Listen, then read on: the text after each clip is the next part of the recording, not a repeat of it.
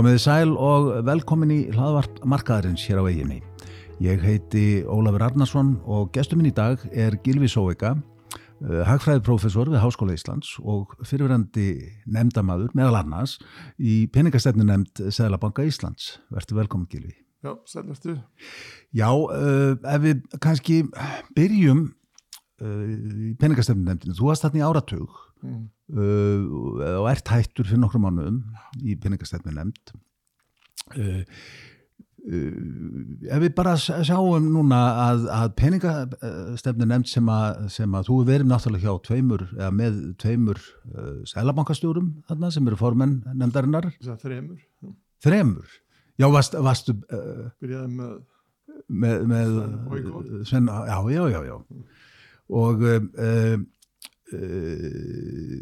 sko nú hefur nú náttúrulega hefur uh, mikið gerst í vakstamálum á Íslandi á, á liðnum árum, það kom COVID uh, og þá lækkuðu vextir, fórunir í 0,75% sem er nú það læksta sko, þessi stýrivextir í Sælabankans það læksta sem þeir hafa verið. Uh, svo kom svo kom verðbólgan uh, eftir COVID og uh, Sælabankin er komið með vextin upp í 9,25% þannig margt sem bendir til þess að það gæti verið hápunkturinn. Mm. uh, þeir hafa haldist þar núna í, í nokkra mánuði hvað þrjár uh, þrýr vaksta ákvörðuna dagar það sem að vextinir hafa verið í, í 9,25% uh, en hvernig virkar peningastefnu nefnd Sælabankans hvernig, hvernig virkar þetta batteri sem að við sjáum náttúrulega eftir á þá fáum við fundagerðir já, en maður hefur á tilfinninguna það fundagerðirnar þær, þær, þær, þær segja ekki alla söguna. Nei. Um, Sjáðu til, um, eins og þetta virkar og á að virka, þá þá byggist það á eiginlega þeirri staðreind að svona ákvarðanir byggjast á domgreind, ekki síður en einhverjum vísindum. já, Um, og þá er hugmyndin svo að hafa fimm aðila og þá tvo að utan mm sem hafa mismjöndi sín á hlutina. Þú varst einn af þessum utanakomandi Já. já, og, og, og, og þá hefur fimm einstaklinga þeir fá sömu upplýsingar á fundinum mm sem að innan úr fólk í bankanum hefur unnið og, og fleiri vikna að vinna hjá miklum fjölda fólks liggur að baki. En það er Sæðlabankin það er sem sagt það er Sæðlabankin raun og veru sem leggur fram til gögg sem eru til já, svona hliðsjónar eða til grundvallar uh, ákvörðunum. Já.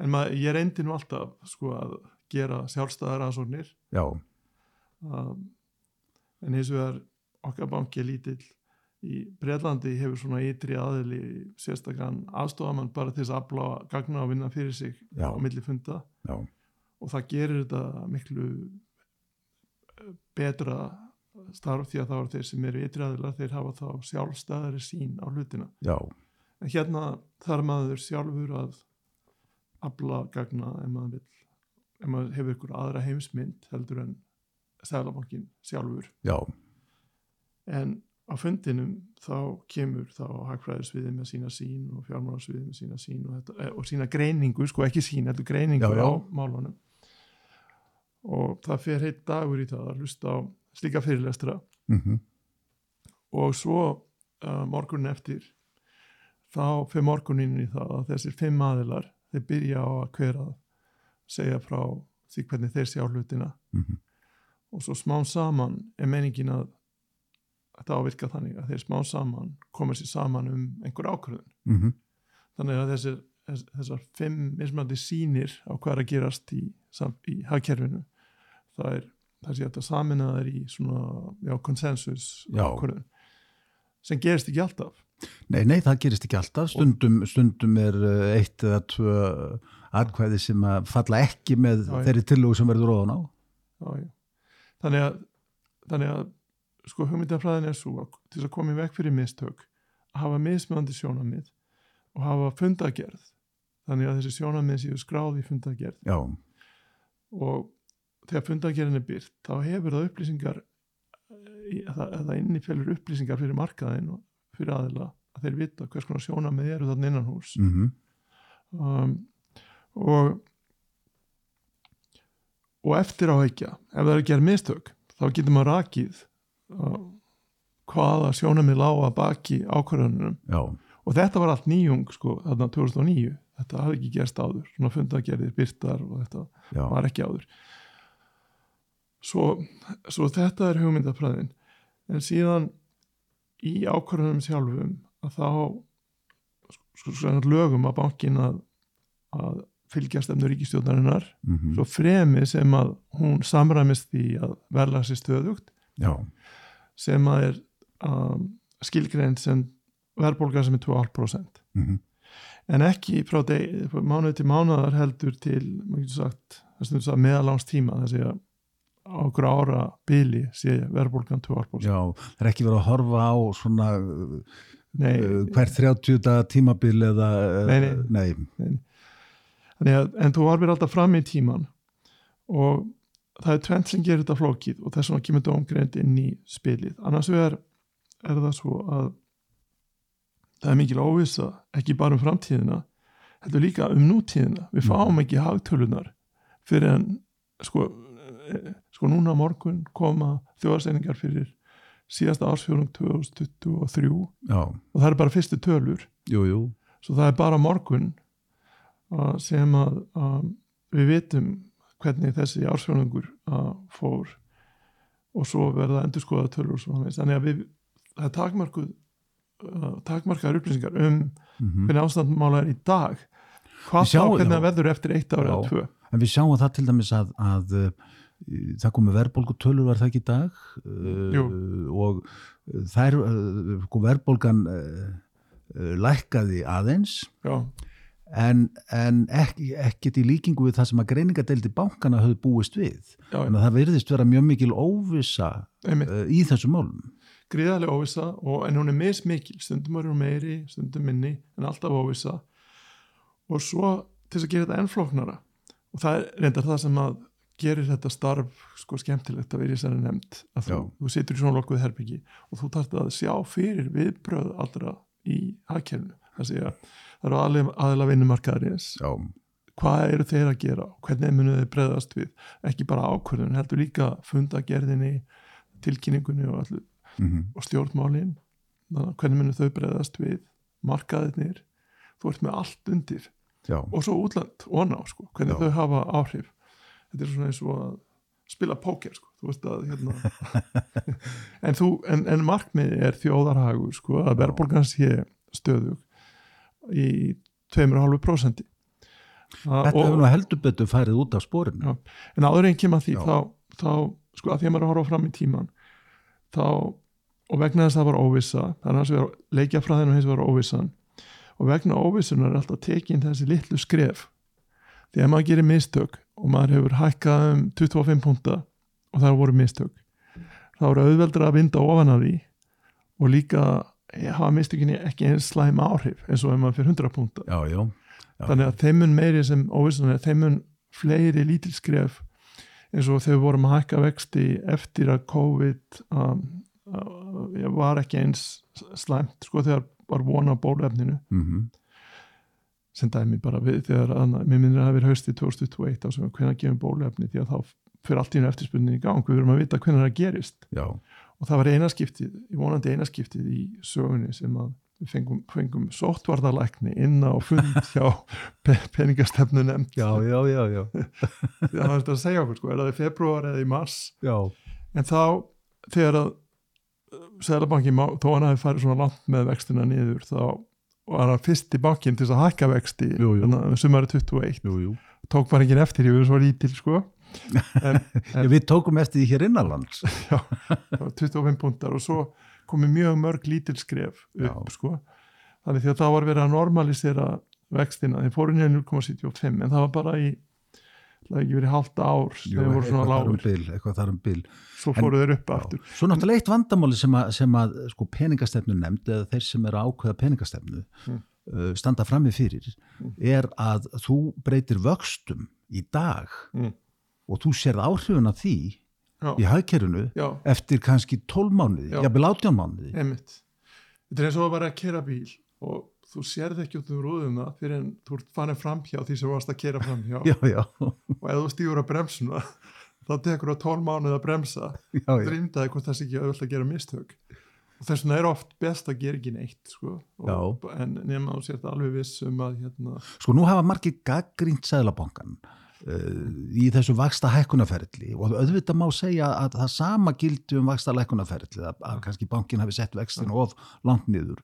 En uh, bankin hefur verið gaggríndur eða peningasefnunemdin fyrir að halda áfram vaksta hækkunum já, sko, og vera að taka ákvarðanir um vaksta hækkanir mm, uh, í raun og veru þegar, eh, þegar ekkert er vitað um það hvaða áhrif fyrri vaksta hækkanir hafa haft það því þær eru bara kannski tveggja mánaða eða fimm mánaða gamlar sko. En sko það er eitt prinsip varandi vakstalækkarinnar sem að ég allavega hafði og ég held að fleiri hafði haft. Að þegar maður er að taka ákvörðun sem hefur áhrif á líf hundruða þúsunda einstaklinga ekki bara mann sjálfs. Já, já, það er að segja eitt samfélag. Að þá er prinsipið það að maður ímynda sér hvað er það vestar sem getur komið fyrir. Mm og maður reynir að milda það vestar sem getur komið fyrir. Að, segjum hérna já, í byrjun COVID að þá þú manst hvernig COVID byrjaði á Ítalíu og Ítalía er bara lokaðist. Jú, jú. fólk voru ekki út úr húsum og líkhúsin fyllt, fylltust í Bergamo og hann er norður Ítalíu. Já, já. og svo kom þetta til Breitlands og þegar kom hingað uh, þá var vitað að ferðarþjónusta myndi fara í núl bara strax já, já.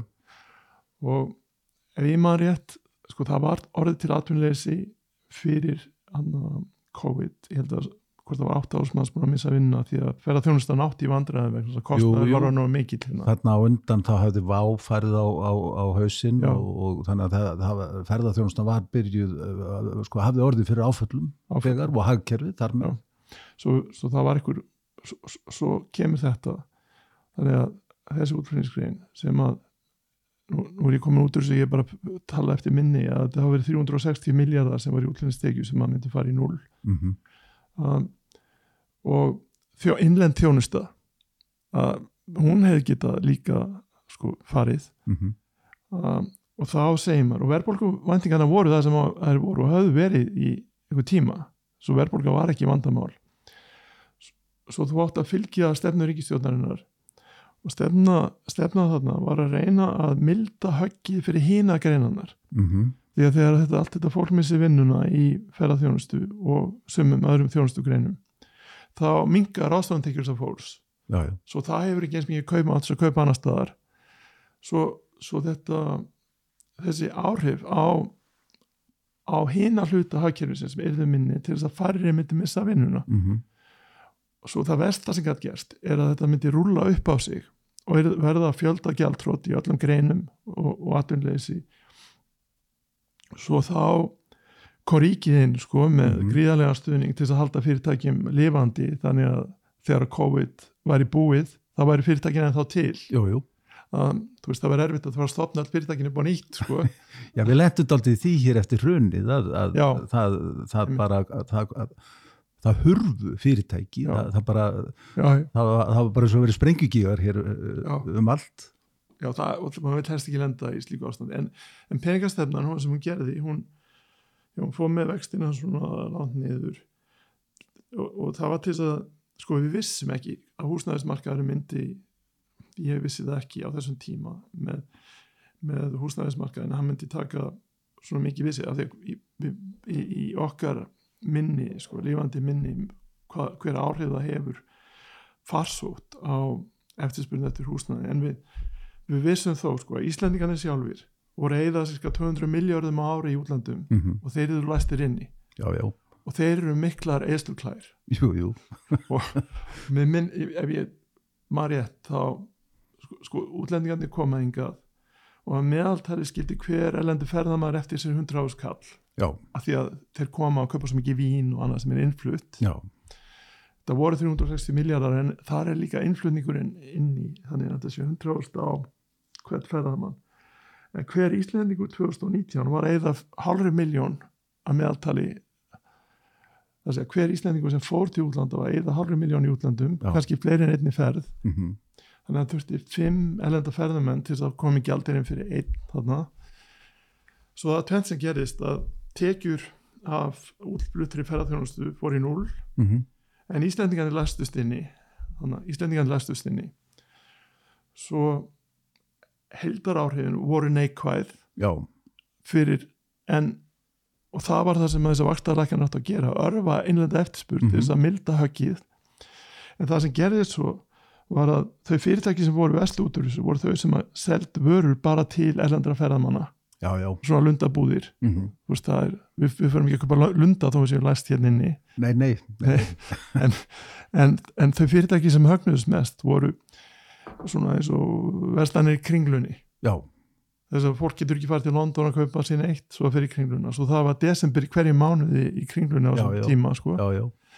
Um, en en allavega sko ég hef sagt eftir á vextir hafi lakkað og mikið en þeir voru lakkaðir í þessum tilgangi og, og, og það var gert sko eftir að við sáum að hina greinina voru farnar að gefa eftir líka ekki bara Mhm. ferðarþjónustan já, já, um, svo við sáum að þetta var smit, smita farsóttin smittar út frá sér efnaðaslega í, um allt hagkerfið mm og þetta hafði mikil áhrif þess að fastinarmarkaðan tók strax við sér húsnæðisverð fór upp eftir spurning eftir yðnaðamannum stórjóks Jú, jú. sko.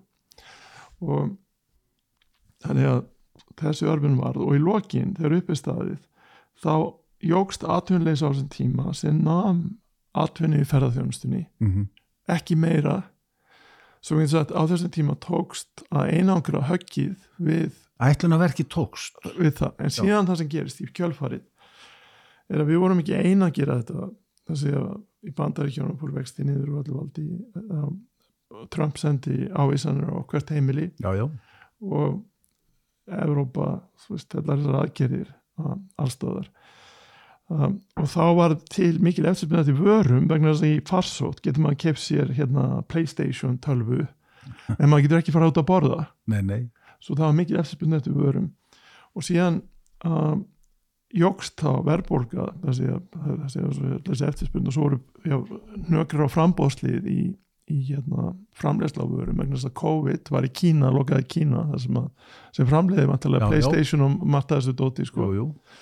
svo þá er Vesturland með mikla eftirspinn eftir vörum og, og, og Kína sem hérna, vinnustofa heimsins lokaðist alveg þannig að ge gerræðis aðgerið þar innanlands Jú, jú, og svo náttúrulega aðfangakeðjan hún, hún uh, Já. varð fyrir miklum áföllum vegna þess að, vegna þess að skipafjölu til dæmis, þau, þau fóru í að leggja, leggja skipum sko, sem, að, sem kom í ljósa var langt umfram það sem er raun og verið þurfti vegna þess að eftirspurning helst. já, já það var rétt, það var skortur á, á gámum já. og, og skipum Já, en þannig að þá verður þessi mikla eftirspurn og svo þarna svo eru nökra fram, frambóðslið og verðbólga í heiminum fer upp og hér á landi það sem gerist var að það var uppsafnaði spartnaður þó að fólk var að eyða í yðnaða menn og að eyða í kringlunni mm það var samt uppsafnaði spartnaður í COVID. Já, já, svo þegar COVID var búinn þá kom allt í einu enga neyslu búm sko á, á, á, já, og vextinni voru lágir. Uh, lági vextir þessari mikla innspýting ríkisins um, pluss um, uh, sparnaði eitt og svo innflutt verðbólga óna að því að verða vörum elendis hafi hækkað. Já, og allt þetta verður til þess að búa til þá innlenda verðbólgu. Já og svo bætist við hjá okkur sko ferðarþjónustan hún fer á fullt. Hún fyrir að fullt aftur. Já, já, já. svo þá byrjar þetta vaksta ekkunar ferli og já og svo já, ef, ef maður segir já, Sko nú, ef við bara horfum á vaksta hækkunarferli, sko, að, mm, að uh, lengi vel voru það rökin fyrir, fyrir frekari vaksta hækkunum að, að sko raunvaksta stíið væri neikvætt hér. Uh, nú sjáum við að raunvaksta stíið er orðin gríðarlega hátt já, hér á Íslandi. Uh, bendi það ekki til þess að peningastefnu nefnd hafi farið aldrei fram úr sér og, og haldið áfram að hækka vexti umfram það sem að allavega ef við horfum í baksinnspeilin og það voru nú margi sem vörðu við þessu á sínum tíma. Sko það var eitt sjónamið sem að, sem að ég held uppi allavega að þó að raunvexti séu neikvæðir sem að séu hérna séu hérna, 8% verðbólga og 7% vextir, Já. vextir sko þá þá er þannig greiðslu byrðin mjög mikil. Greiðslubyrðin er mjög mikil og það náttúrulega, það kristallaðist hér hvað, hvað, hvað sko, vakstahækkanir uh, hafa haft mikil áhrif á greiðslubyrði og, og hún hefur náttúrulega sko já, hjá þeim sem að, sem að tóku þessi, þessi sko óvertröðu lán og breytilegum vöxtum þá náttúrulega hefur greiðslubyrði í einhverjum tilfellum meir en tvöfaldast. Já. Og, og, uh, og við sjáum það að það hefur orðið gríðalegur viðsnúningur í því að það var, hafa megnið af öllum nýjum lánum voru óvertrið nú er, nú er megnið af öllum nýjum lánum vertrið já, uh, sem að náttúrulega er ákveðið vandamál fyrir peningastefnu nefnd uh, Sælabankans vegna þess að, að vaksta tæki verður miklu bit minna Já, en sér til þarna, þetta er mjög mikilvægur punktur sko að, að þó að séu neikvæður umvextir ef hann afvextinir er farnir svona hátt mm. þá er kaupmáttur heimila lækkar Já. sem dregur úr eftirspurn um, en þetta með raumastastíð það, það var kona að tala við mig um áðan, hún sagði hérna, við tókum veg hérna, óvertitt lán á, á breytilegum vöxtum þeir eru núna konur upp í 9% Mm. og verðbólgan er 6,6 núna að ef ekki að breyta í hérna, verðtrykt lán en þá svarið sem ég gaf henni var það að þú varst með miklu lagri vexti 2021 og 2 en verðbólgan var miklu meiri þá heldur en vextinir Mm sem þýðir að höfustóll lánsins var að brenna upp sko, eins að þú skuldar það sama í krónum en krónan var að vera me- minna minna verði já, já, uh, og sá sem lánaði þér þessa peninga, hann tapaði. Já, já. um, en núna vill hann fá 9% eitthvað banki eða lífersjóður í er. 9% vexti og verðbólgan er tefnilega 7 það eina sem hann vil að borgi þessi 7% sem láni er að rýrna um svo hann tap ekki lengur á þér Mm. og svo vil hann fá 2% vexti og hana Mm. um, við getum talað um vaxtamunni setna en, en, en 9% vextir þá overtrúðu láni eru að hluta bara að, að þú ert að í rauninni að greiða niður höfustól lánsins þíns upp á 7% af því að það er að rýrna um 7% vegna verðbólkunar já, já, svo ef þú borgar 7% vexti það er bara því að sá sem lánaði þér vill ekki lengur vera að greiða niður lánið þitt óbeint sko í gegnum verðbólgu.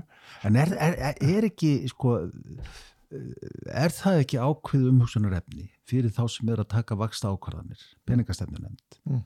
Uh, að áhrifin skuli verða þessi? Jú, þetta er auðvitað e, svona á þetta ekki að verða Nei. það segja að lán eiga ekki að brenna upp í verðbólgu og vextir eiga ekki að vera 9% Já, það byttu við, en uh, sko, jú, lán, lán eiga brenn upp í verðbólgu vegna þess að, að, að uh, þetta er, það er náttúrulega í eðlilegu viðskipta umhverfi, þá taka bæði lántakandi og lánveitandi áhættu. Og, og ef að verðbólgan er meiri Já. þá græðir lántakandinn. Og ef að verðbólgan er minni þá græðir uh, lánveitandinn. Ef þú ert með óvertrygt ef þú ert með óvertryggt Já, náttúrulega í verðtryggingu þá er, þá, þá er, þá er, lán, þá er sko lánveitandinn ekki taka neina áhættu nema bara á því að, að það, það verði vanskil á láninu. Já, já, já, það er. Og, og uh, en það er sko, við getum, ég getum nú fengið aftur til að ræða hér bara um, um verðtryggingu versus, versus óvertryggt en, en uh, en, en það er bara með þess að hafa vexti. Það, það má ekki gleyma því sko að höfustóll lánana er að rýrna sem Mhm. með verðbólgunni. Já, já. Af því að launin hækka en höfustóllin er svo sami. Þannig að þeir sem geta komist í gegnum þennan vaksta kúf já, uh, ráða við greiðslubyrðina sem er náttúrulega alls ekki allir. Þegar, þegar greiðslubyrði lána Já. jafnvel uh, að meira. Já. en þeir sem geta það þeir eiga að býta í axlin og, og láta sig hafa það vegna þess að það verður, það verður þægilegra í framhaldinu. Sko ég ætla ekki að gefa fjármálar ákjöf lenda í málsók síðar en, en ég en, en, en það er bara menn ha, hafið það í huga sko, ef þú borgar 9% vexti á overtrúðu láni þá ertu líka sko að sjá höfustólinn rýrna um sem nefnir já, þannig að hreitn vakstakostnaður er bara munurinn á verðbólgu og vakstónum sem greiðir. Mm höfustólinn er að rýrna raunverði já, en auðvitað fólk sem er að ná endur sama frá mánuði til mánuðar það verður að hugsa um hvort það á pening í bankanum til þess að borga já, bara hvort það kemur inn nóg og, og, og, eða, eða hvort það á einhverja sjóðu til að ganga á. Já, Svo, já. S- Uh, en uh, en sko það sem að ef, ég- me, me, þú, það var einn spurning hérna hjá þær í viðbót. Já, að það sem að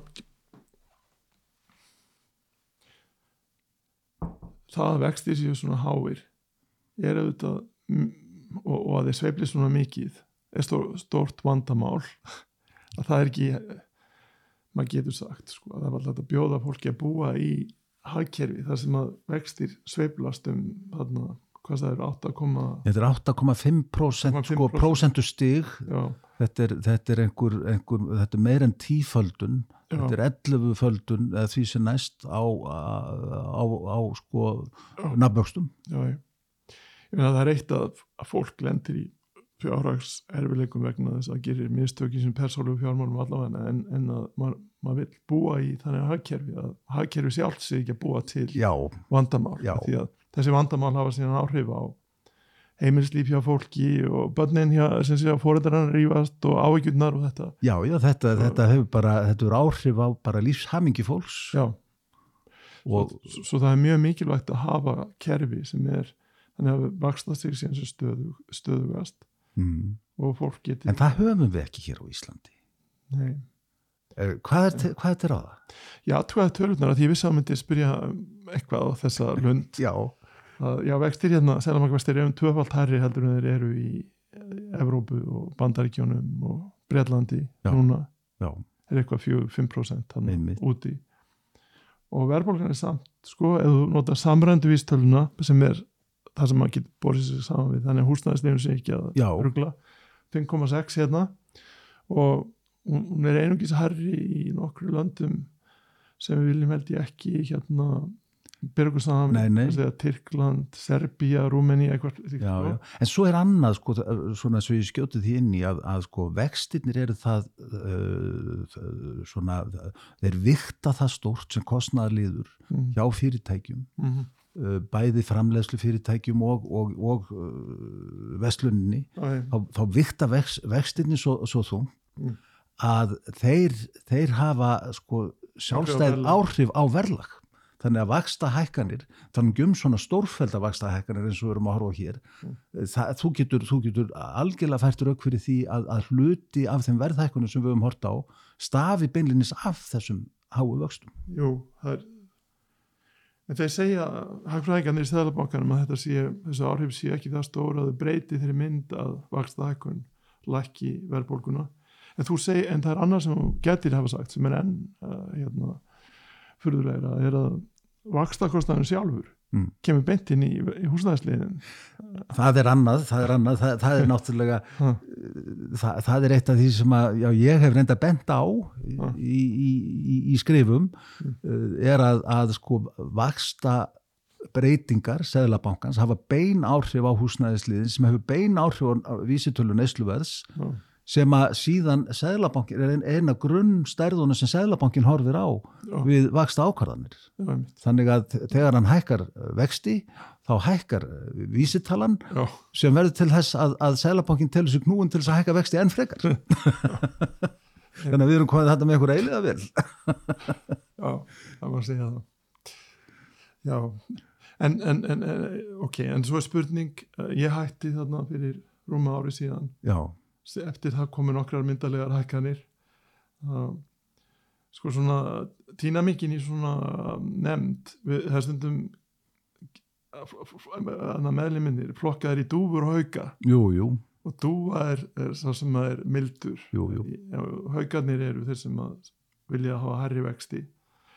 En þetta er aðeins breytilegt sko, ég man fyrst er ég byrjaði þarna, voru svo margir haugar að ég þurfti að vera dúfan bara til þess að tempra ákvarðanar því að maður þarf að hafa svona hérna, uh, skoðanaskipti. Já, já það það er náttúrulega mikilvægt að það sé ekki það er engin, engin þörf á svona nefnd ef allir eru bara á sömu blaðsvíðu og ef þú tilnefni nefnd þar sem eru fimm haugar þá, þá mun sjálfkrafa einhver breytast í dúfu með við hina. Já, en svo en ég held ég hafi endað meira sem haugur af því að það voru dúfur í kringum mig en svo hérna í, En það kom nú einhver haug, það kom haugur inn þegar, þegar, þegar þú fóst út í, í staði fyrir þig. Það kom mig- haugur.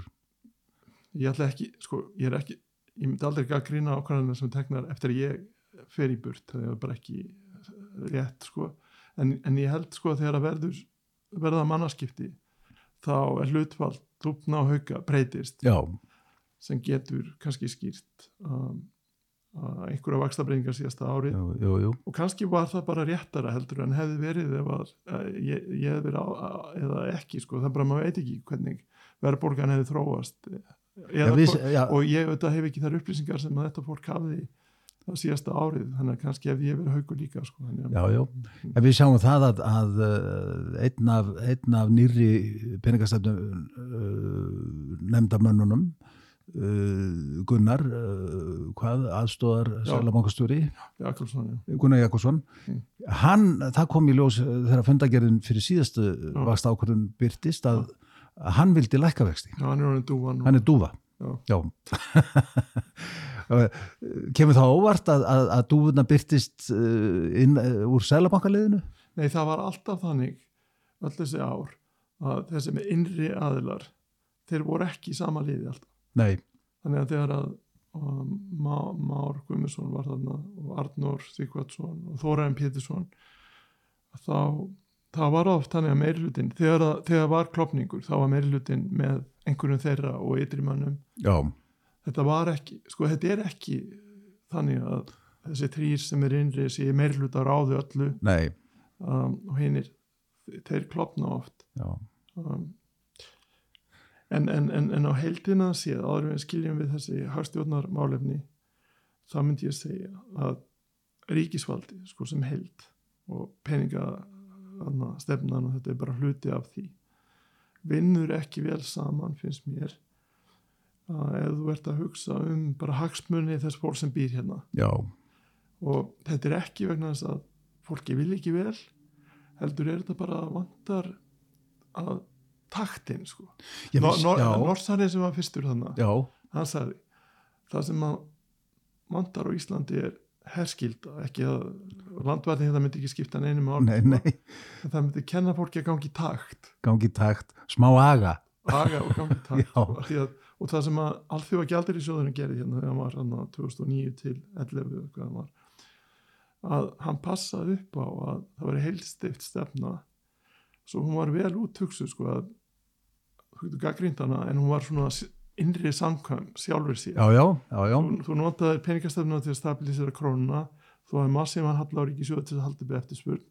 Svo smá saman eftir því sem að fjármálakerfi var byggt upp aftur þá minkaði hallin á ríkisjóði og vextinir komið niður og svo tekur höftina af og þá mm Mhm. ferða á stað með einhverjum útlunningi sem við vissum ekki hvað er þið já, og var ferðarþjónusta mhm, en núna, ef við lítið á þetta núna sko ríkisjóður hann er, hann er með halla en það er vegna vakstakreisna og tekur vakstakreisnar út þá er frumjöfnuðurinn ef ég veit rétt jákvæður. En, en það sem að ríkið er að gera og er það að sko ég hann passa mig hvernig ég orða þetta sko ferðarþjónusta er mikil og góð búbót besta já, þeir segja mér þarna fyrir austan þarna á Suðausturlandi að eitt herbeggi fyrir ferðamann er eins og ein mjölkur kú sko. Já, já, og, og maður sér bara hérna í ánæsíslu þetta, þetta er liftistöng og hérna í bænum allir veitingastæðinir og að, kemur aldir inn. Og við getum ferðast meira til útlanda því að krónan er sterkari eða öldra að fara til já, því að ferðamennir eru hér. Mhm, svo það er svo margt gott hægt um það að segja. En, en sko ef þú hefur ríkisvald sem er að gera það sem hann getur til þess að ferðamennu fjölki hérna sem mest skilur og þeir með, með því að hafa lægri virðisöka skatt með því að í gegnum. Ísafi að maður hvert sinn sem ég fer sem ég fyrir ofta um keflagflugvall og ég vill, villist eila alltaf því á leiðum plusstöðurum, hún er alltaf að hún er alltaf að breytast, já, já, en þannig að þú ert meitni hendinni sko að reyna að fjölga ferðamenn sem allra mest. Það kallar á ellend vinnuafl svo við að tala um um, á síðasta ári það voru þúsunda mánuði sem voru að koma, það var eitthvað svoleiðis tölu sko, útlendingur sem er flytja til landslisti að vinna hérna. Um, svo segir Sælabankin er ómikil eftirspurn. Jú, vegna þess að þetta er það sem er að gerast. Já, já, og húsnæðis verða að hækka á mikið jú, að allt þetta fólk er að búa einhvers staðar og svo er Airbnb út um allt. Og þá segir hann, við þurfum að hækka vexti. En þeir býta ekki neitt því að þessir ferðamenn eru með sína bankareikninga í einhvers staðar í útlandi. vextirnir hafa engin áhrif á, á ferðamennina. Nei. það var einu áhrifin sem gætu orðið ef að vakstaðakunum myndi valda því að krónan hækkaði Mhm. með landið er dýrara. Jú, jú, en það hefur ekki virkað sko, þessi gengisáhrif hafa verið svo lítil svo það sem að hávextinin gera þeir gera það erfiðara fyrir okkur að hafa yfir drátt, taka framkvæmda lán, kaupa okkur íbúð og þetta, jú, jú. svo þú ert að slá niður ríkið, íslenska ríkið sem skuldar mun minna en uh, hluthalslega já, já, en, en, en nánast all, allir ríkisjóðir Mm. uh, í, í löndunum í kringum okkur er að borga miklu hærra hlutfall í vexti já, já, út af vaksastíðinu hérna. Já, þannig er það svo, svo, og þá þýr að ríkisjóður vil skera niður sko, hérna, það vil að skera niður uh, þú veist maður sér bara hvernig þetta, þetta þessi frasi innviðir.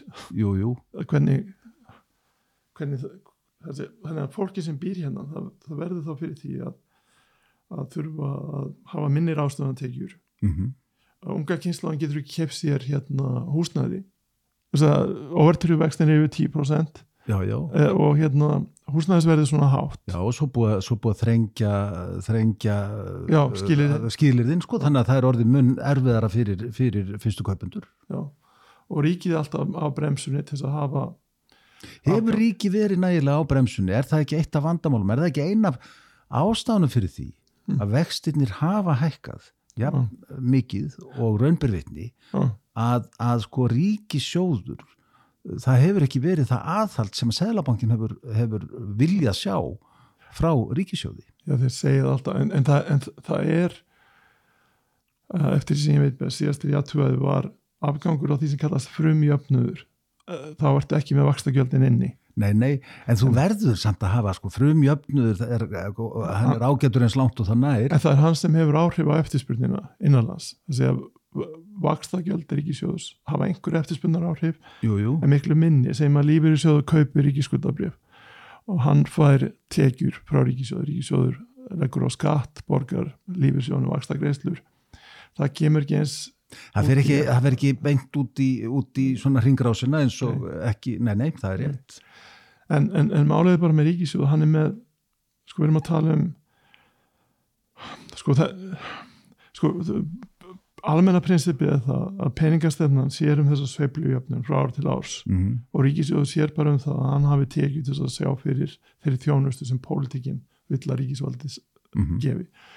En, en ef þetta er eitthvað mikið gefum fyrir eins og fjármála kreppaðan 2009 þá er ríkisjóður notaður sem sveiflujöfnum að tæki og hann getur auðvitað e- eins og ef ríkisjóður verður ekki með miklum halla núna þá gerir það erfiðara fyrir þá þarf vextin að vera herri Mm en, en ef þú værir í pólitík og myndir hugsa, ég þú ert með land það sem að það sem að mentakerfið er þannig að helmingur drengja 15 ára kann ekki að lesa sitt í gags Já, og 30% stúlna kunni ekki að lesa sitt í gags það við að erum ekki á góðri leið. svo brottfall er. í hérna, framhalskólum og sklæði með að stráka er svona mikið það sem að hérna, hundruður heimila hérna á, á, á þessu svæði er með unga menn sem eru korki í vinnunni í, hérna, í, í skóla.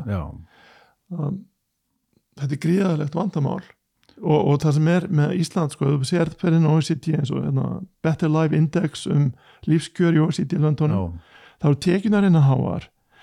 Um, en, og við erum sko á heldina með góðu lífskjör með að við önnur OECD ríki já, en það sem að er að er mentunin það er stór og það, er, það sem er að er fólk vinnur og, og mikið á vanræki fjörskildu líf já, já. en mentunin virðist vera að fara um, á við. Mm eins og við sjáum þannig að þessum písa Og könnum ansi rætt. og hans er rætt niður og svo erum við líka að sjá hérna já, brottfallið um, og svo er núna að vera að tala um stýttingu framhansnám sem að bitnar á strákonum meira. Jú, jú, svo þetta er svo svona gerraðis aðgerð sem að við getum að haft að heilan á- þáttum sko. Ég, var að horfa á Kastljós í, í vikunni og þar, þar var þar kom bara mjög skýrt fram hjá, hjá uh, öllum viðmælöndum held ég að, að stytting framhalskólan á sín tíma var bara sparnaðar aðgerð fyrir, fyrir ríkið. Uh, ef, að, ef það hefði verið eitthvað skóla eitthvað skólahugsun eða kennsluhugsun í þessu þá hefði verið farið í að stokka aðeins upp grunnskólan en ekki framhalskólan, ekki byrja þar allavega það er þetta þjappa í- íslenski krakkar geta klárað framhanskóla 19 ára eins og Evropabúar en þá þetta þjappa öll árin ekki bara þessi síðustu þrjú Nákvæmlega, meðan að mentaskólinn var fjögur ár hjá okkur, þá vorum við með, með sama tímafjölda uh, til stúdesprófs Mm. í gegnum alla skólagöngu Já. og í, Danmörku, já, en nú er það minna vegna þess að við fækkuðum tímanum. já, ég vissi ekki að það væri svo mikið já. Já, því það er bara skóla árið er nýtt betur og það virðist vera heildrætni hugsun uh, í, í gangi þar. Já, og þegar kemur að mentakerfinu, það er ekki verið að horfa á uh, skólastígin í einhverju svona, einhverju lofttæmi. ég leita á í gerð mér til gamans þarna eftir þess kastljós þátt þá leiti ég á skýstu sem kom frá Hagfræðistofnum 2015 um stytninguna. Já, og þá voru rökin þau að með því að uh, framháskólar þyrftu þá að fá eitt fjórða minna fjármagn myndu sparast 3 miljardar með því að krakkanir færa að vinna einu ári fyrr þeirra vinnuframlag væri 13-15 miljardar og svo myndi svo miklu, og svo var hitt bara getgátur. Að svo miklu fleiri myndi fara í mentaskóla af því þetta væri bara þrjú ára en ekki, ekki hérna fjögur. Og þau myndi ekki vera að vinna með námi þannig að þau myndi nýta tíma mikið betur og bla bla bla. Og það myndi enda í því að landsfræðansna myndi hækka um fleiri hundru miljardar já. Vegna stýtninga framastná En það er kannski ágætt að byrja á því að hafa, hafa krakkan að læsa þegar þau eh, komast á, á framhalskóla Já. og það er ekki spurning um peningar sko, því að peningarnir grunnskólanir hérna eru vel fjármagnaði með það sem er í útlandum, það er háskólinn sem er svelti. Já, og, og fátæk lönd geta kent krökkum að lesa. Jú, jú. Það er ekki svo ég veit ekki hvað, hvað er en, en, en við erum að tala um sko sveiflujöfnun. Já, svo ef þú ert stjórnmánamaður og segja að þú vilt hjálpa selamakranum að ná niður verðbólgu þá er þetta mentakerfið mm svo hefur heilbyrðiskerfi sem er ekki fjársveldi í samaskilingi eins og háskólinn en en samt að það er eitthvað stjórn, mikið stjórnunavandi þar inni. Það, það virðist vera gríðalegu stjórnunavandi þar, já.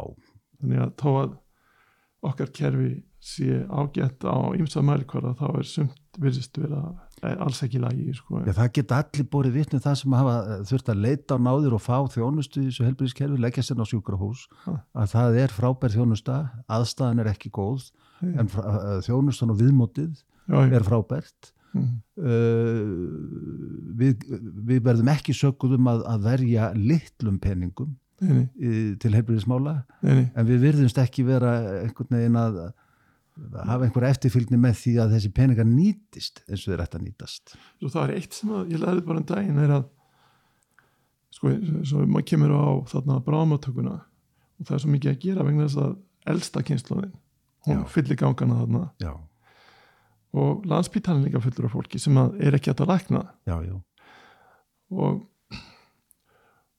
uh, og þá er spurningin af hverju er ekki byggð á hjúkrunarheimili til þess að létta af lands, landspítalinn uh, og það þar, er þar, kemur að, að, þar kemur að því að, að uh, eftir því sem hann er skilst bara úr fréttum að sveitafjölun hafi verið að, að, að, að bara sverja af sér hjúkunarheimili vegna þess að tekjuskiptingin eða þess að uh, að þeim sé ætlað að standa undir allt of miklum kostnaði án þess að fá tekjustofna móti.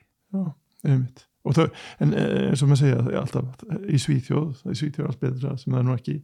En, Nei, en það er hægt en að það er, hafa, margt, það er nú margt gott í Svíþjóð en það, það er að hafa reglur sem að er vist þar að, að landsbítalinn taki við einhverjum sem er komin þarna orðið mjög gamall og gerði það sem hægt, hann geti gert fyrir viðkomandi. Já, Þegar hann segir við getum ekki meir, þá borgi sveitafélagið daggjöldin á spítalanum mm -hmm, en ekki ríkið. mm og þá býrðu til kvata fyrir sveitafélagin að, að byggja hjúgrunarheimili fyrir viðkomandi þannig verður til kvati jú, jú. Þa, það er eitt og svo er Jú. annað sem að En sko vandamáli hefur verið að, að, að Þeir hafa ekki pening til að gera það. Þeir hafa ekki pening til að gera það og það, og það þarf eitthvað, virðist vera að þurfi eitthvað að, að, uh, að stokka það upp milli ríkisins og sveitafélagana. já.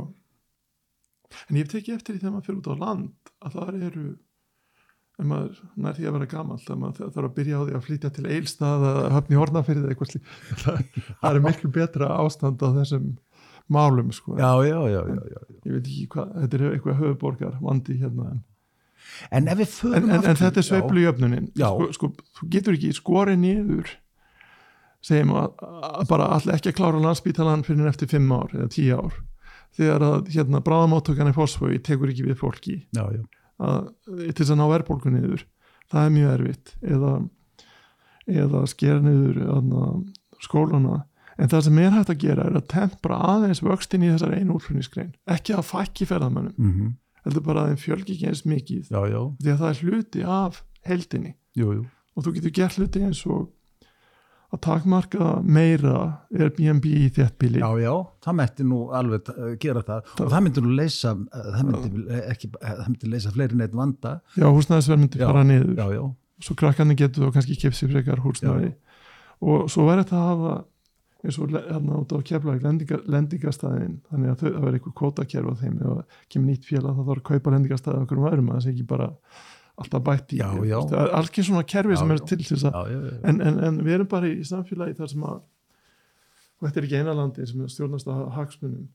Að það eru almannahagur sko, en almenningur út um allt. En svo eru þessir þröngu hagsmunir Þröng- eru, eru Þröngu, kannski sterku, vel skipulögðu hagsmunir. Já, velskipulega hagsmunir. Svo þannig er einhver hagsmunir sem tengjast pólitíkin einhvern veginn. Svo það voru auðvöldast bara að gera ekki þar og bara og, og þvert að móti uh, hjálpa við að útflutt þjónusta vaksi sem allra mest. Já, og svo segja og, þarna, ó, nú er eftirspilunum mikil og þarf að fara með vextu upp úr öllu valdi sko. já, já. Og þeir sem kremjast á milli er þarna, 25, 30, 35 ára kynsluðin Já, já, það að- það er svona þetta, þetta fólk sem er skilgreint já, sem, sem ungt fólk og svona millistjettin sem, sem að lendir þarna á milli. Uh, en uh, förum aðeins förum aðeins út í þetta. Ég, ég, ég, ég spurði það á þann sko, nú erum við, við erum í þessum, þessum miklu vaksta sveiflum hérna. Þetta er umhverfið sem við, við búum í. Mm. Uh, og við, við búum ekki við stöðuðan gjaldmiðl ef við bara förum yfir söguna. Við sjáum það að, að gjaldmiðlin í dag krónan frá því að við slítum hann frá dönsku krónunni að það er, það er einn 2000 eftir af krónunni og sennilega eitthvað innan við það því það eru uh, nokkur ár síðan, síðan þessi 1000 2000 Ah. uh, uh, var, var, var talið vera, vera stærðagráðan Mm. uh, hvað er til ráða? Hvernig getum við brotist út úr þessu sveiflu þjóðfélagi?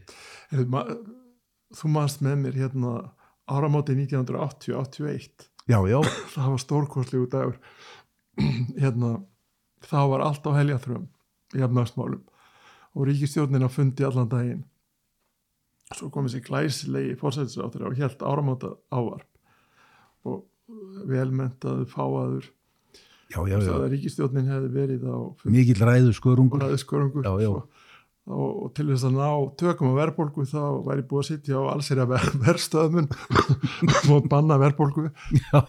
Og til þess að auka tiltrú á gjaldmiðlunum þá ætti að taka 2-0 af, af kró- krónunni. Það var stórkostlegt. En, en hérna já þannig að þessi krónu vandamál hafa verið gegnum gangandi en já. Ég, ég heyri á þessu, þessum ingangiðnum Já. að þú ætlar ekki að leggja til að vera tekið 2-0 af krónunni. ekki strax en, en hérna já þú Sko, hvað getum við gert? Getum við gert þetta, uh, sko, það eru margir sem segja, uh, sko, vandamáli okkar er meðal annars krónan. Þessi litli gjaldmiðl sem er bara gjaldgengur hér á landi, já, uh, það vill engi sjá þennan, þennan gjaldmiðil í útlöndum. Mm. Uh, er ekki bara tóm vittleisa að vera með þessa krónu? sko kosturinn við að hafa við byrja á því er að hún er hún er er eins og að hafa hérna sko, e- þetta er eins og svona trygging ef eitthvað ræðilegt kemur, kemur fyrir hérna þá lækkar kaupmátur allra launa öll laun í landinu meldi í efrum lækka bara á einni nóttu Já, eins og gerðist hér þegar, þegar 2008. uh, 2008 Já. þá, þá segja, segja hagtölur okkar að hér, hér hafi, hér hafi uh,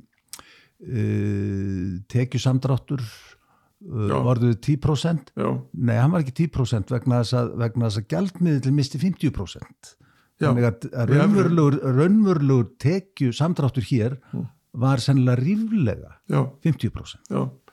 Svo, svo en, en svo krónan, hann má ekki tala illum hann, hún er svo sem að af hverju má ekki tala hann má, illa um hann má tala um umhverfi hennar sko, ha- hagstjórnina og allt þetta en, en, en, en sko í landum eins og Írland lendi í svipari krísu sko. Mhm, og atvinnleysi þar helst hátt miklu lengur en hér. Mhm, þegar að okkar kaupmáttur fór niður svona óbóðslega vegna þess að krónan gafst þá var landið ódýrt og innflutninguninn hrundi.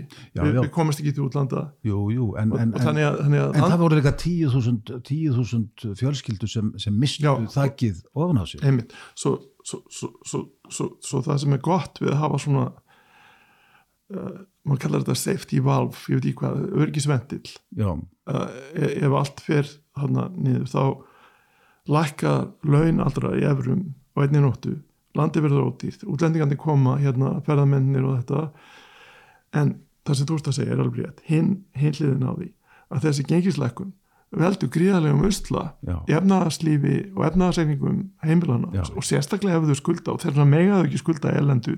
Nei, skulda í erlendu ef ekki skuldi annari mynd en tekjurnar eru. Já, Já. þannig, þau skulda eins og þau gerðu þarna. Já, bílalánin og, og, þessi fyrirtækjalán. fyrir því var að, að, að hér, var, hér var þá sæðlabanki sem held upp í heiminháum vöxtum Já. og, og sjálfsagt ekki En ástæðulegs þeir voru svona háir vegna þess að ef þeir hefðu bara sett takmörk á allar þessar erlendu lántökur fyrirtækjana sem voru Já, ekki með erlenda tekjur og heimilana sem voru ekki með erlenda tekjur þá hefðu vextinni verið miklu lægri. Já, þeir biti ekki neitt. Nei, nei, það viku allir sér undan þeim. Svo þetta er svona dæmingi fólk var að flýja ofurvaksta umhverfi Já, en, en vextinni hefðu ekki verið ofvextir ef að flottalegin hefði verið lokuð sko. já, já, já, já.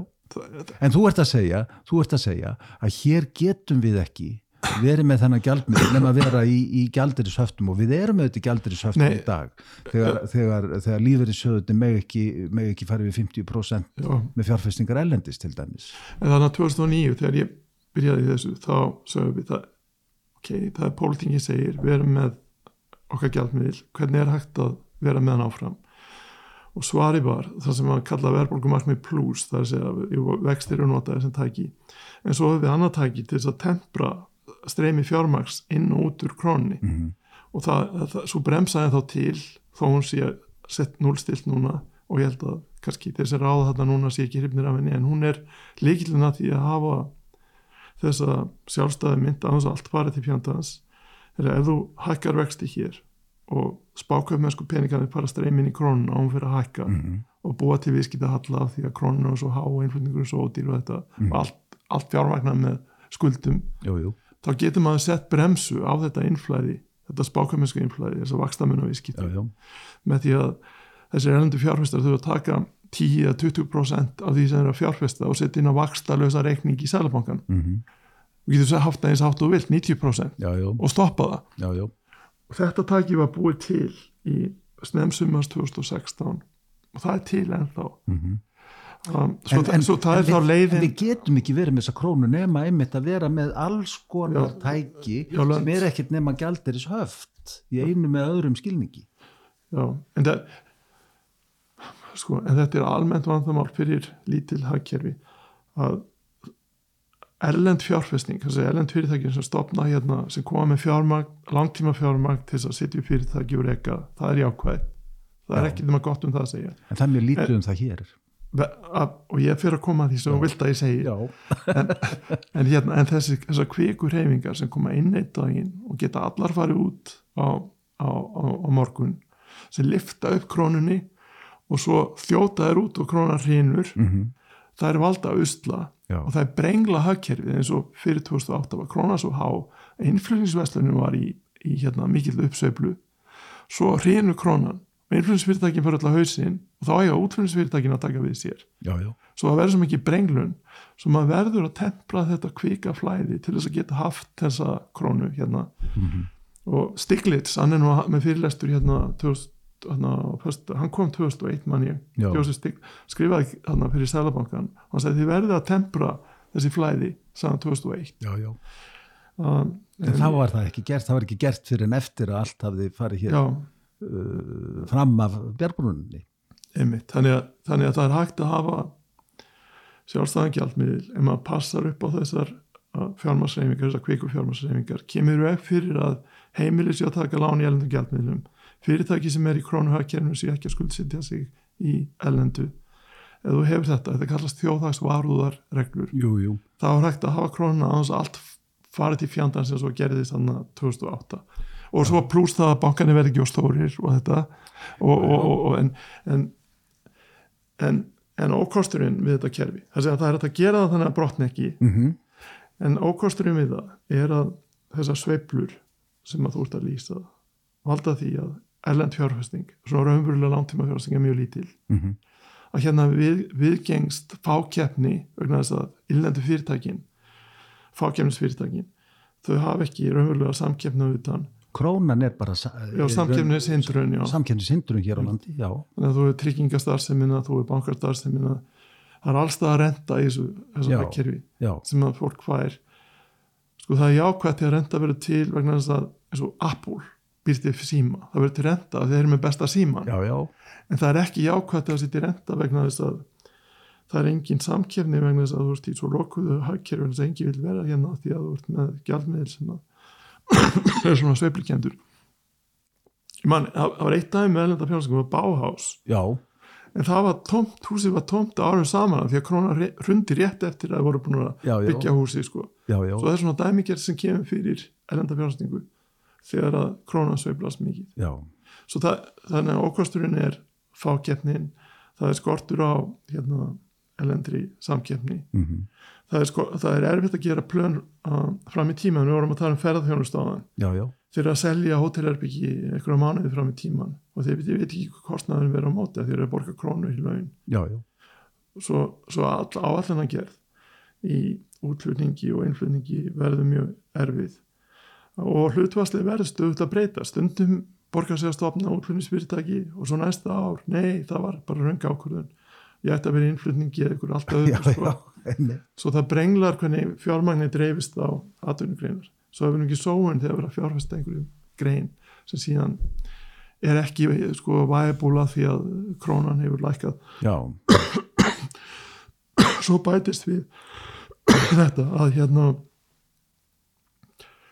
sko þetta er hluti af starri mynd sem við ætlum að held ég, við vikum aðeins mengið. Já, byrjum smátt og endur stort Já. það fjallar um þjóðhagslegt öryggi mm að með því að já, vera með krónuna þó hún sé um, hvað kalla ég það, hérna, safety valve sem er já, svona öryggisvendir. öryggisvendil Er hún ekki öryggisvendir Og- og- fyrir aksasköft uh, stjórnmálana? Og, jú, en líka já, ef að fiskistofnanir mynd jú, jú, jú, jú, en þá þessi, þessi króna hún hérna verður til þess að helmingurinn að eigna lífyrsjóðana er lokaðurinn í landinu. Já, af því að skuldbindinga lífyrsjóðana er í krónum svo þau get ekki verið með allar eignar í eurum og dólarum þess að ef að krónan hækkar þá er eignarsamni verð þá minna virði. Já, já, að svo, svo við erum það með einhverja hérna sko við erum að tala um til lengri tíma námsframstöður erum við að tala um kannski, ég veit ekki,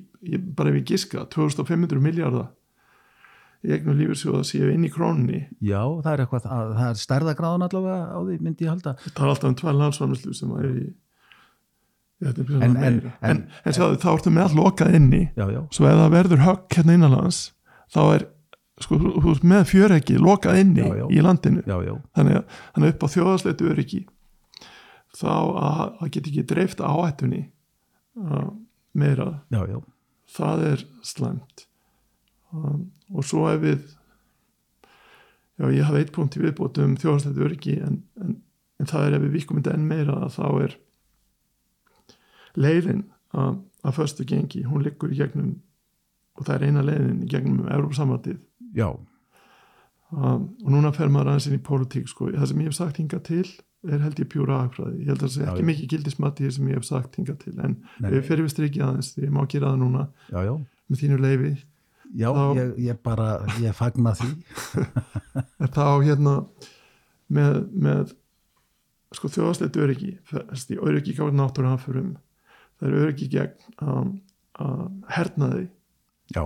sem er núna orðið akút Já, það er orðið raunverulegt, uh, sko, áhættu, já, uh, raunverulegur áhættu þáttur. Það er hernaður bara í okkar heimsluta. já svo og hérna þegar Reykjanesi vaknar og, og, og, og það hafa ekki nóg með sko Reykjanesi að vakna, það var einn jarfræðingur sem sagði að hraunið á Reykjanesi væri svipað og kæmi upp úr vatnajökli, svo þetta væri sem allt landi og væri að bara stað en, en ef að þessar eldræningar færast nær höfuborgarsvæðinu sko það, sko Grindavík sem, sem slík þessi peningar sem fara í að byggja húsin þar aftur einhversur annar staðar Mm. sko ef þú berða bara saman við kostnaðin við að hérna að þarna, byggja landsbanka, landsbankahúsi nýri miðbæ þarna, og, og, koma ráðaneyti fyrir þar gera upp selabankabyggingunum upp á nýtt Já, og svona ýmstlegt annað týni til þarna húsinu bak við stjórnaráði jú, jú, jú, jú. þá eru þetta ekki miklu peningar í, Nei. sem fari í Grindavík Nei, en þetta eru miljardar, miljardar skipta máli Já, sko. já.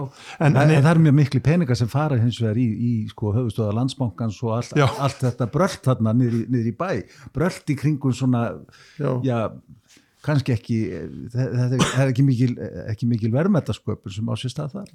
nei, það er ekki þú vart alltaf að gefa mig smá pástu til þess að hugsa um svar við því verðum þetta sköpun í því en, en, hérna, en ef þetta færist nær sko í hafnafjörðin eða slíkt það, það er hraun í hafnafjörði það er svona bærið svo fallegur. Jú, jú. þá er þjóðaslega áfalli miklu erfiðara.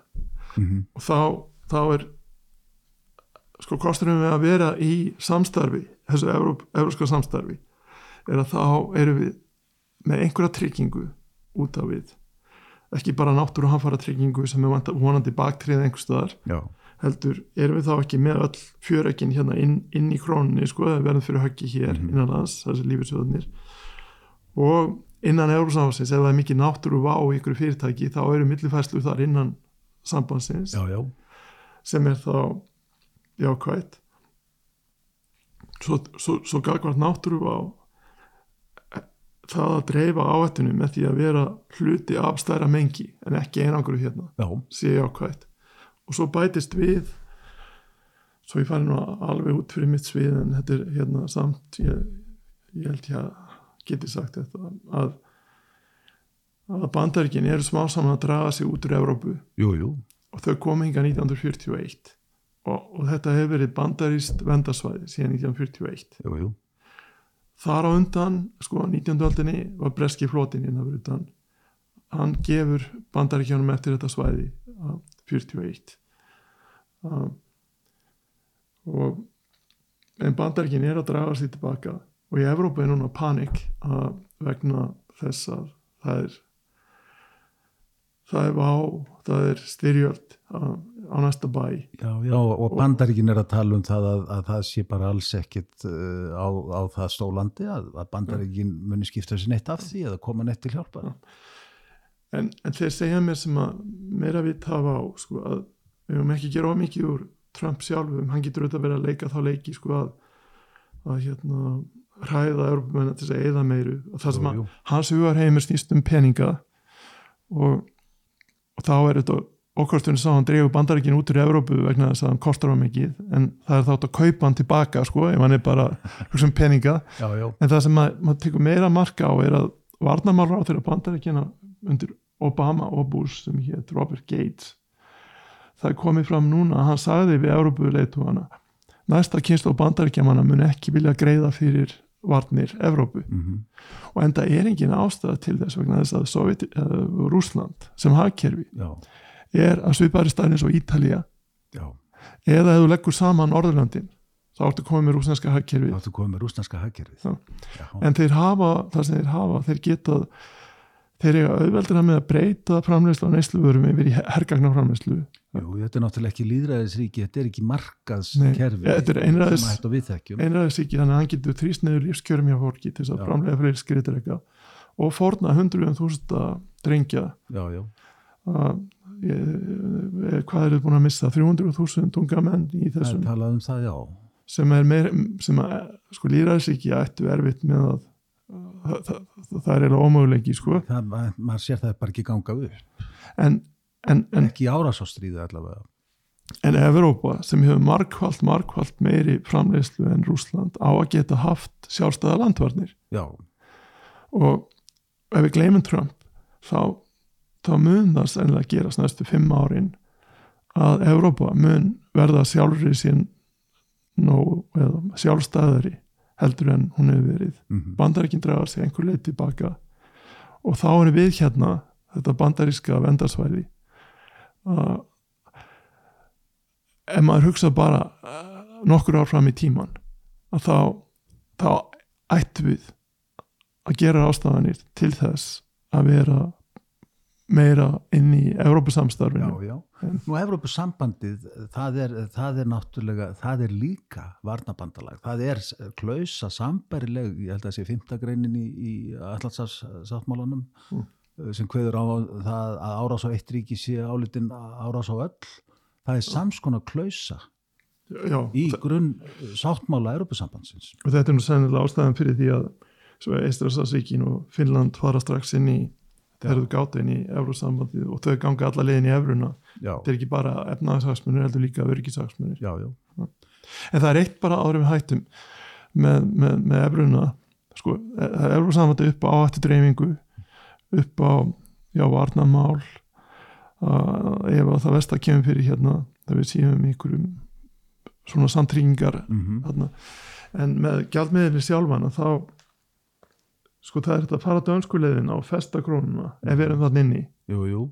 Og danska krónan hefur verið fyrst síðan 1982 fyrst við tíska markið og svo við efruna og Já. það er horstið þeirra efnaðastefnu að halda krónunni fastri. Jú, jú, en þeir fóru að digga aðstóð frá til þess. Það er Evróski Seðlabankin í raun og veru sem að er eh, er svona eh, lánveitandi til þrautavara uh, gagvart Danmörku. og það nægir að hann sé það að hann hefur aldrei þurft að lána nei. neitt en eins og til eða, það, það er, ef maður vil breyta fyrir Það spýtti nú hérna. eitthvað í Danske Bank hérna, þegar ríkti í hér 2008 og 2009. Já, en, en krónan, danska krónan hérst vegna þess að þegar að evru krísan var, þá var þvert á móti innflæði inn í danska krónuna, svo veist það var neikvæða vexti, Já, já, það var ekki flott í úr henni sko. En, en, en, en punktur þess að Ísland sko það, það, vill hafa stöður að gengi og ekki vera í þessum rússvíbana mm þá er leiðin að fara þarna inn og festa krónuna við evru. Já, og þá myndi eh, hérna, kjarasamningar, ríkisfjármál um, allt snúast um það að við halda þessu já. fasta gengi. Mm síðan ætti eftir að koma í ljós að hvort þessi þjóð þetta samfélag hefur þann haga og samhælni til þess að þóla þetta. Það, og, og, og, við vorum að tala norska hérna, segðarbankarstjóran sem sagði að við þurftum að hafa herr skildu til að geta gengið í takt. Svo ef þessi þjóð getur ekki gengið í takt ef það er bara ein frekjuröttin að móti annari Mm. þá þá á hún ekki heima á efrisvæðinu efrisvæði krefst þess að það sé ábyrga efnaðastjórn því að maður hefur ekki ábyrga efnaðastjórn og maður er inn á efrisvæðinu þá er engin örgisvendill þá er maður orðin Gríkland já, já, með 20% aðtunleysi fjölda hérna, búrfellaflutningum á landi missum besta fólkið hérna, með, að, og maður vill ekki lenda í því. Þess vegna er það þannig ef að land Evrópusambandsland vill fara inn á Evrópsvæði þá fer það fyrst inn í ERM 2 já, þú ert að fast gengi í minni með þrjú ár um, fullnægja öllum kröfum ríkisfjármál og annað slíkt sko. já, það eru skuldar hlutföll og fleira sem að, sem og svo, koma svo er það hinn aðilinn sem að ákveður hvort hann hleypir þér inn. Já, já, en í- í- já, hérna, það var einhver tíman einhver sem sagði ég, ég held að Íslanda ætti að vera á efruðsvæðinu ég, það er ekki ég, ég, ég held, maður tekur bara eitt skref í einu. Mm þetta væri pólitík sem væri meðalansbyggð á því sem ég var að segja á þann að fara inn í Evropasamlandið um, sem væri auðvitað erfitt út af öllum hagsmunnaðilunum hérna sem standa vörðum að gera það ekki já, já. en En það eru, það eru sérhagsmunir, það er ekki heildarhagsmunir sem þar eru.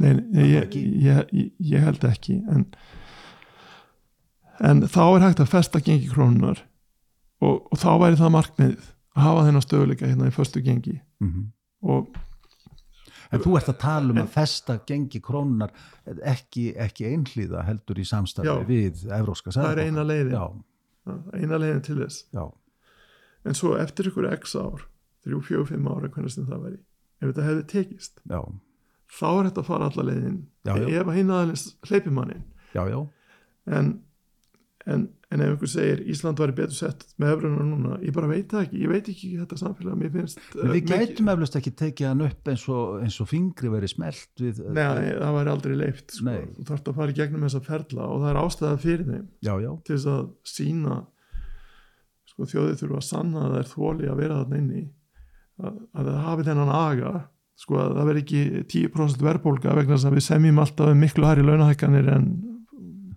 efni og aðstæður eru til.